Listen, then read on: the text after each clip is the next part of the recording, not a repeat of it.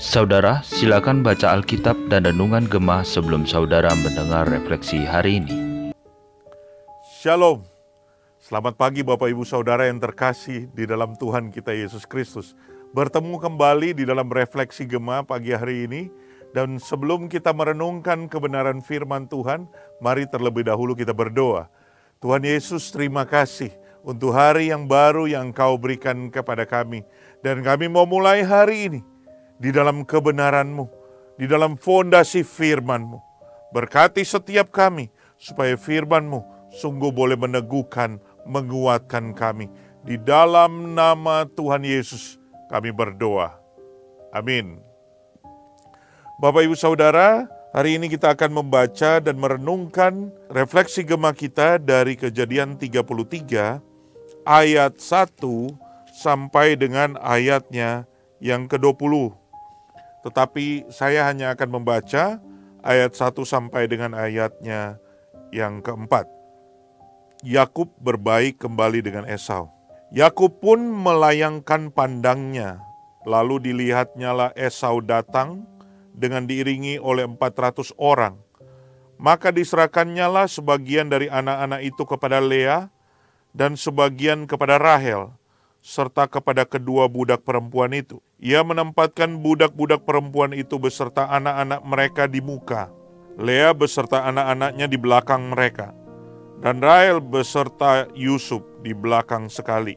Dan ia sendiri berjalan di depan mereka, dan ia sujud sampai ke tanah tujuh kali, sehingga ia sampai ke dekat kakaknya itu. Tetapi Esau berlari mendapatkan dia. Didekapnya dia, dipeluk lehernya, dan diciumnya dia. Lalu bertangis-tangisanlah mereka. Sampai di sana pembacaan firman Tuhan. Tema kita hari ini adalah menyelesaikan masalah dalam keluarga. Bapak, ibu, saudara, kisah daripada Esau yang Yakub ini di dalam konflik yang terjadi di dalam kehidupan mereka berdua itu dimulai dengan ketika Esau pulang dari berburu, dia itu kelaparan dan dia ingin makan. Dan dia melihat bahwa Yakub itu sedang membuat sup kacang merah. Dan waktu dia melihatnya dia meminta. Tapi saat itu Yakub berkata, "Kalau kamu mau, maka kamu harus tukar dengan hak kesulunganmu." Yang kedua, waktunya Ishak memberkati Esau untuk memberikan berkat kesulungannya kepada Esau. Tetapi Yakub menipu Ishak dengan berpakaian bulu, berbulu, ya, supaya Ishak tidak tahu dan merabanya dia pikir itu adalah Esau. Akhirnya dia memberkati. Nah, kedua kejadian ini menjadi asal mula kenapa Esau itu membenci Yakub dan berusaha untuk membunuh Yakub. Akhirnya Yakub itu melarikan diri dan pergi kepada saudara mamanya. Di sana dia tinggal bertahun-tahun. Nah, di dalam pasal 33 ini dikisahkan bagaimana Yakub itu kembali ke tanah kampung halamannya dan mau ketemu dengan Esau tetapi di dalam perjalanan dia mau ketemu kembali ke kampung halaman, dia begitu ketakutan. Dia takut jangan sampai Esau itu membunuh dia. Tetapi menarik di dalam bagian ini kalau kita baca pada ayatnya yang keempat, pasal 33, di sana dikatakan, tetapi Esau berlari mendapatkan dia. Didekapnya dia, dipeluk lehernya dan diciumnya dia Lalu bertangis-tangisanlah mereka. Ternyata apa yang dikhawatirkan oleh Yakub itu tidak terjadi. Yakub sudah begitu ketakutan tapi ternyata tidak terjadi. Namun saudara, dari keseluruhan bagian ini, maka kita akan melihat tiga hal yang menarik. Itu yang pertama, bahwa kenapa kok akhirnya Yakub bisa ketemu Esau dan akhirnya Esau tidak marah sama dia. Tapi dalam bagian ini mau mengajarkan sebetulnya khususnya pada pasal 32. Karena Yakub terlebih dahulu menyerahkan masalah ini kepada Allah. Masalah pergumulannya, masalah ketakutannya kepada Allah.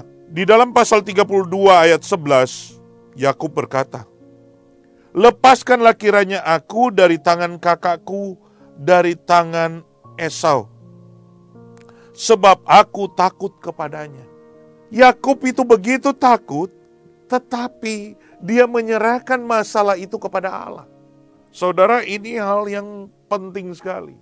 Apa pun pergumulan saudara, apakah saudara ada masalah dengan orang tua, dengan anak, dengan saudara bersaudara, atau apa pun pergumulanmu, bawalah itu kepada Allah. Serahkanlah pergumulan kepada Allah, karena Allah sanggup menolong saudara. Yang kedua, yang menarik di sini adalah Yakub itu begitu ketakutan. Tapi setelah dia ketemu dengan Tuhan, dia bergumul dengan Tuhan, dia mengalami transformasi di dalam dirinya. Apa transformasi itu? Dia itu ketemu dengan Esau sambil itu berlutut sebanyak tujuh kali. Ia sujud sampai ke tanah tujuh kali. Dan menarik, ternyata itu meluluhkan kemarahan daripada Esau. Saudara, tingkah laku yang rendah hati akan meredam kemarahan. Esau memeluk Yakub dan ini tentu ada hubungan dengan poin pertama tadi ketika menyerahkan kepada Tuhan. Maka sebetulnya Tuhan yang mem memiliki hati semua umat manusia sanggup untuk mengubahkan hati manusia itu dari kemarahan menjadi kelembutan dan cinta kasih. Poin yang ketiga, Saudara, ketika Yakub mengalami ketakutan itu, dia belajar untuk percaya kepada Tuhan. Dia berseru kepada pertolongan Tuhan, memohon kepada Tuhan, kiranya Tuhan yang menolong dia di dalam kesusahan yang dihadapi. Saudara, ini hal yang indah sekali. Jika seseorang mencari Tuhan, ya, Tuhan bilang ketuklah. Mintalah. Maka akan diberi. Dan itu yang dilakukan oleh Yakub. Dia berseru kepada Tuhan dan Tuhan menolong dia. Mari saudara, di dalam pergumulan kita, konflik di dalam keluarga, ataupun masalah apa pun di dalam hidup kita, mari kita ingat tiga poin ini. Serahkanlah pergumulanmu, masalahmu itu kepada Allah. Belajarlah rendah hati, merendahkan dirimu di hadapan Tuhan dan di hadapan orang yang mungkin kamu berkonflik. Dan yang ketiga, berserulah kepada Tuhan, minta Tuhan menolong saudara. Maka dalam kasus Yakub, Tuhan memberikan pertolongan. Dan saya percaya itu tidak hanya terjadi kepada Yakub, kepada saudara dan saya yang sungguh-sungguh mau datang, menyerahkan diri total kita kepada Tuhan dalam segala pergumulan, merendahkan diri di hadapan Tuhan dan berseru kepada Dia. Maka Dia akan menolong saudara dan saya. Percayalah saudara. Tuhan Yesus memberkati. Mari kita berdoa. Tuhan Yesus terima kasih melalui hidup daripada Yakub dan Esau ini. Kami boleh belajar kebenaran-kebenaran yang penting di dalam relasi kami, dalam keluarga. Orang tua anak, orang tua dengan menantu, saudara bersaudara. Tuhan kalau ada konflik, Tuhan kiranya engkau yang campur tangan karena kami percaya Engkau sanggup mengubahkan orang. Tetapi ajar kami ya Tuhan. Untuk kami datang terlebih dahulu kepada Engkau.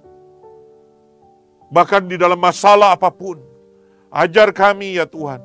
untuk berserah kepada Engkau, menyerahkan segala pergumulan kami, dan merendahkan diri di hadapan Tuhan, dan datang kepada Tuhan, berseru kepada Tuhan, maka Tuhan akan menolong kami semua. Tuhan berkati setiap kami. Terima kasih ya Tuhan. Terima kasih. Terpujilah namamu. Di dalam nama Tuhan Yesus kami berdoa. Amin. Tetap semangat, tetap percaya. Tuhan Yesus memberkati saudara. Amin.